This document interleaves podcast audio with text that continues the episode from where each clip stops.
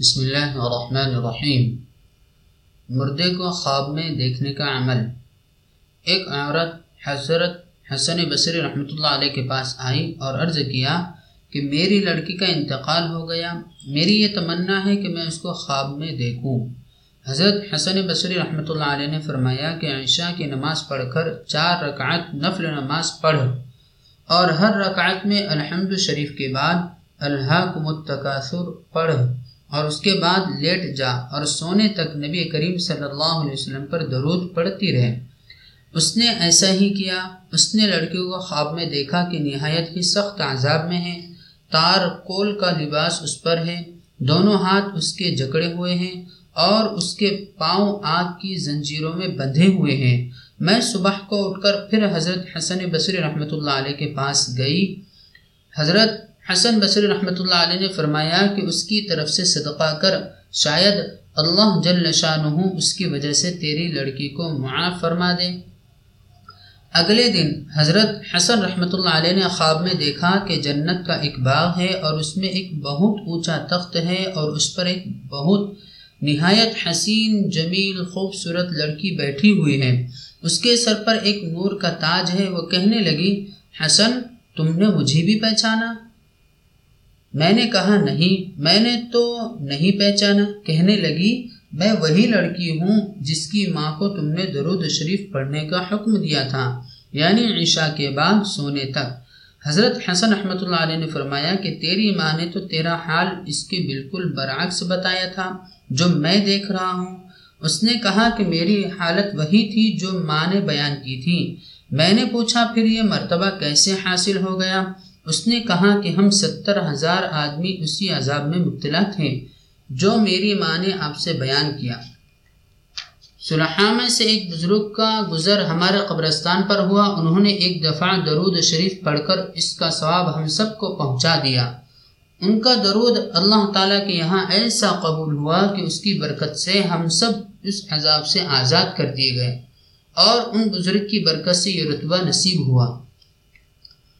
روز الفائق میں اسی نوع کا ایک دوسرا قصہ لکھا ہے کہ ایک عورت تھی، اس کا لڑکا بہت ہی گناہ گار تھا۔ اس کی ماں اس کو بار بار نصیحت کرتی مگر وہ بالکل نہیں مانتا تھا۔ اسی حال میں وہ مر گیا۔ اس کی ماں کو بہت ہی رنج تھا کہ وہ بغیر توبہ کے مرا۔ اس کو بڑی تمنا تھی کہ کسی طرح اس کو خواب میں دیکھے۔ اس کو خواب میں دیکھا تو عذاب میں مبتلا تھا۔ اس کی وجہ سے اس کی ماں کو اور بھی زیادہ صدمہ ہوا۔ ایک زمانے کے بعد اس نے دوبارہ خواب میں دیکھا تو بہت اچھی حالت میں تھا۔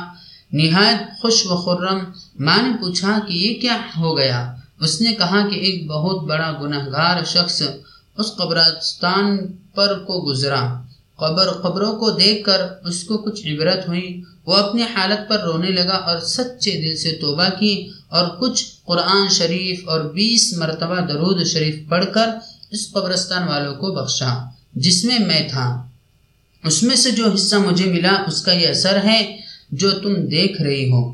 میری اماں حضور صلی اللہ علیہ وسلم پر درود دلوں کا نور ہے، گناہوں کا کفارہ ہے اور زندہ اور مردہ دونوں کے لیے رحمت ہے۔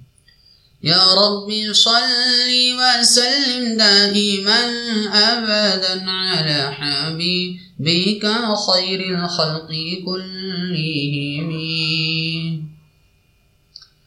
حضرت کعب احبار رحمۃ اللہ علیہ جو تورات کے بہت بڑے عالم ہیں وہ کہتے ہیں کہ اللہ جل شاہ نے حضرت موسیٰ علیہ نبی گنا و علیہ والسلام کے پاس وحی بھیجی کہ اے موسیٰ اگر دنیا میں ایسے لوگ نہ ہوں جو میری حمد و ثنا کرتے رہتے ہیں، تو آسمان سے ایک قطرہ پانی کا نہ ٹپکاؤں اور زمین سے ایک دانہ نہ اگاؤں اور بہو بھی بہت سی چیزوں کا ذکر کیا۔ اس کے بعد رشاد فرمایا، اے موسا اگر تو یہ چاہتا ہے کہ میں تجھ سے اس سے بھی زیادہ قریب ہو جاؤں جتنا تیری زبان سے تیرا کلام اور جتنے تیرے دل سے اس کے خطرات اور تیرے بدن سے اس کی روح اور تیری آنکھ سے اس کی روشنی۔ حضرت موسیٰ علیہ نبی علیہ الصلاۃ والسلام نے عرض کیا، یا اللہ، ضرور بتائیں، ارشاد ہوا کہ رسول اللہ صلی اللہ علیہ وسلم پر کثرت سے درود پڑھا کر۔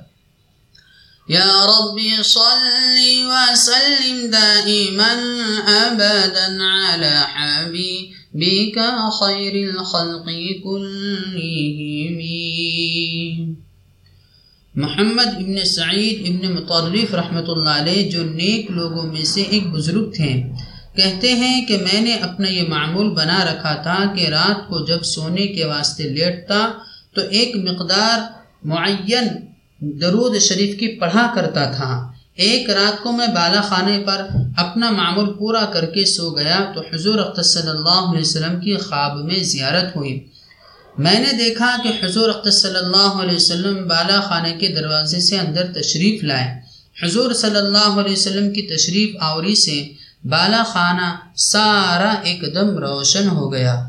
حضور اخت صلی اللہ علیہ وسلم میری طرف کو تشریف لائے اور ارشاد فرمایا کہ لا، اس منہ کو لا، جس سے تو کثرت سے مجھ پر درود پڑتا ہے۔ میں اس کو چوموں گا۔ مجھے اس سے شرم آئی کہ میں دہنے مبارک کی طرف منہ کروں۔ تو میں نے ادھر سے اپنے منہ کو پھیر لیا۔ تو حضور اخت صلی اللہ علیہ وسلم نے میرے رخسار پر پیار کیا۔ میری گھبرا کر ایک دم آنکھ کھل گئی۔ میری گھبراہٹ سے میری بیوی جو میرے پاس پڑی ہوئی تھی، اس کی بھی ایک دم آنکھ کھل گئی۔ تو سارا بالا خانہ مشک کی خوشبو سے مہک رہا تھا اور مشک کی خوشبو میرے رخسار میں سے آٹھ دن تک آتی رہی۔ یا ربی صلی وسلم دائما ابدا۔ یا ربی صلی وسلم دائما ابدا على حبیبک خیر الخلق کلهم محمد ابن مالک رحمۃ اللہ علیہ کہتے ہیں کہ میں بغداد گیا تاکہ قاری ابو بکر ابن مجاہد رحمۃ اللہ علیہ کے پاس کچھ پڑھوں۔ ہم لوگوں کی ایک جماعت ان کی خدمت میں حاضر تھی اور قراءت ہو رہی تھی۔ اتنے میں ایک بڑے میاں ان کی مجلس میں آئے جن کے سر پر بہت ہی پرانا امامہ تھا۔ ایک پرانا کرتا تھا، ایک پرانی سی چادر تھی۔ ابو بکر رحمۃ اللہ علیہ ان کو دیکھ کر کھڑے ہو گئے اور ان کو اپنی جگہ بٹھایا اور ان سے ان کے گھر والوں کی اہل و عیال کی خیریت پوچھی۔ ان بڑے میاں نے کہا، رات میرے ایک لڑکا پیدا ہوا، گھر والوں نے مجھ سے گھی اور شہد کی فرمائش کی۔ شیخ ابو بکر رحمۃ اللہ علیہ کہتے ہیں کہ میں ان کا حال سن کر بہت ہی رنجا، رنجیدہ ہوا اور اسی رنج و غم کی حالت میں میری آنکھ لگ گئی۔ تو میں نے خواب میں نبی کریم صلی اللہ علیہ وسلم کی زیارت کی۔ حضور صلی اللہ علیہ وسلم نے ارشاد فرمایا، اتنا رنج کیوں ہے؟ علی ابن موسا وزیر کے پاس جا اور اس کو میری طرف سے سلام کہنا اور یہ علامت بتانا کہ تو ہر جمعہ کی رات کو اس وقت تک ہی سوتا جب تک کہ مجھ پر ایک ہزار مرتبہ درود نہ پڑھ لے۔ اور اس جمعہ کی رات میں تو نے سات سو مرتبہ پڑھا تھا کہ تیرے پاس بادشاہ کا آدمی بلانے آ گیا۔ تو وہاں چلا گیا اور وہاں سے آنے کے بعد تو نے اس مقدار کو پورا کیا۔ یہ علامت بتانے کے بعد اس سے کہنا کہ اس نو مولود کے والد کو سو دینار یعنی اشرفیہ دے دے تاکہ یہ اپنی ضروریات میں خرچ کر لے۔ قاری ابو بکر رحمۃ اللہ علیہ اٹھے اور ان بڑے میاں نو مولود کے والد کو ساتھ لیا اور دونوں وزیر کے پاس پہنچے۔ قاری ابو بکر رحمۃ اللہ علیہ نے وزیر سے کہا، ان بڑے میاں کو حضور صلی اللہ علیہ وسلم نے تمہارے پاس بھیجا ہے۔ وزیر کھڑے ہو گئے اور ان کو اپنی جگہ بٹھایا اور ان سے قصہ پوچھا۔ شیخ ابو بکر رحمۃ اللہ علیہ نے سارا قصہ سنایا، جس سے وزیر کو بہت ہی خوشی ہوئی اور اپنے غلام کو حکم کیا کہ ایک توڑا نکال کر لائے۔ توڑا ہمنیانی تھیلی جس میں دس ہزار کی خدار ہوتی ہے۔ اس میں سے سو دینار اس نو مولود کے والد کو دیے۔ اس کے بعد سو اور نکالے تاکہ شیخ ابو بکر کو دے۔ شیخ نے ان کے لینے سے انکار کیا۔ وزیر نے اصرار کیا کہ ان کو لے لیجیے۔ اس لیے کہ یہ اس بشارت کی وجہ سے ہیں جو آپ نے مجھے اس واقعے کے متعلق سنائی۔ اس لیے کہ یہ واقعہ یعنی ایک ہزار درود والا ایک راز ہے جس کو میرے اور اللہ تعالی کے سوا کوئی نہیں جانتا۔ پھر سو دینار اور نکالے اور یہ کہا کہ اس خوشخبری کے بدلے میں ہے کہ تم نے مجھے اس کی بشارت سنائی کہ نبی کریم صلی اللہ علیہ وسلم کو میرے درود شریف پڑھنے کی اطلاع ہے۔ اور پھر سو اشرفیہ اور نکالی اور یہ کہا کہ یہ اس مشقت کے بدلے میں ہے۔ جو تم کو یہاں آنے میں ہوئی اور اسی طرح سو سو اشرفیہ نکالتے رہے، یہاں تک کہ ایک ہزار اشرفیہ نکالی، مگر انہوں نے یہ کہہ کر انکار کر دیا کہ ہم اس مقدار یعنی سو دینار سے زائد نہیں لیں گے، جن کا حضور صلی اللہ علیہ وسلم نے حکم فرمایا۔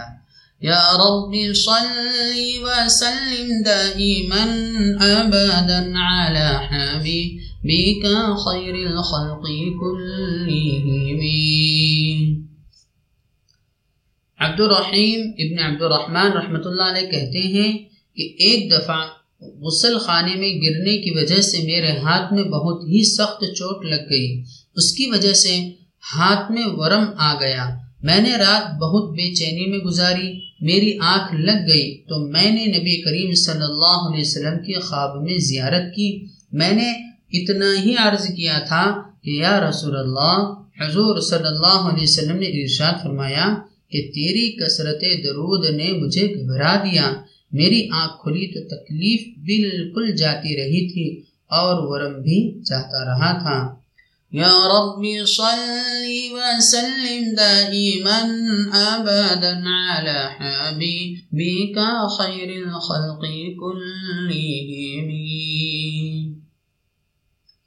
علامہ سخاوی رحمۃ اللہ علیہ فرماتے ہیں کہ مجھ سے شیخ احمد ابن رسلان رحمۃ اللہ علیہ کے شاگردوں میں سے ایک معتمد نے کہا کہ ان کو نبی کریم صلی اللہ علیہ وسلم کی خواب میں زیارت ہوئی اور حضور صلی اللہ علیہ وسلم کی خدمت میں یہ کتاب قول بدع فی الصلاة علی الحبیب الشفیع، جو حضور صلی اللہ علیہ وسلم پر درود ہی کے بیان میں علامہ سخاوی رحمۃ اللہ علیہ کی مشہور تعلیف ہے اور اس رسالے کے اکثر مضامین اسی سے لیے گئے ہیں۔ حضور صلی اللہ علیہ وسلم کی خدمت میں یہ کتاب پیش کی گئی۔ حضور صلی اللہ علیہ وسلم نے اس کو قبول فرمایا۔ بہت طویل خواب ہے، جس کی وجہ سے مجھے انتہائی مسرت ہوئی اور میں اللہ کے اور اس کے پاک رسول صلی اللہ علیہ وسلم کی طرف سے اس کی قبولیت کی امید رکھتا ہوں۔ اور انشاء اللہ دارین میں زیادہ سے زیادہ ثواب کا امیدوار ہوں۔ بس تو بھی او مخاطب اپنے پاک نبی صلی اللہ علیہ وسلم کا ذکر خوبیوں کے ساتھ کرتا رہا کر اور دل و زبان سے حضور صلی اللہ علیہ وسلم پر کثرت سے درود بھیجاتا رہا کر، اس لیے کہ تیرا درود حضور صلی اللہ علیہ وسلم کے پاس حضور صلی اللہ علیہ وسلم کی قبر اطہر میں پہنچتا ہے اور تیرا نام حضور صلی اللہ علیہ وسلم کی خدمت میں پیش کیا جاتا ہے۔ صلی اللہ علیہ وعلا آلہ وصحبہ وأتباعہ وسلم تسلیما۔ وسلم تسليما كثيرا كثيرا كثيرا كلما ذكره الذاكرون وكلما غفل عن ذكره الغافلون. يا رب صل وسلم دائما أبدا. يا رب صل وسلم دائما أبدا على حبيبك خير الخلق كلهم.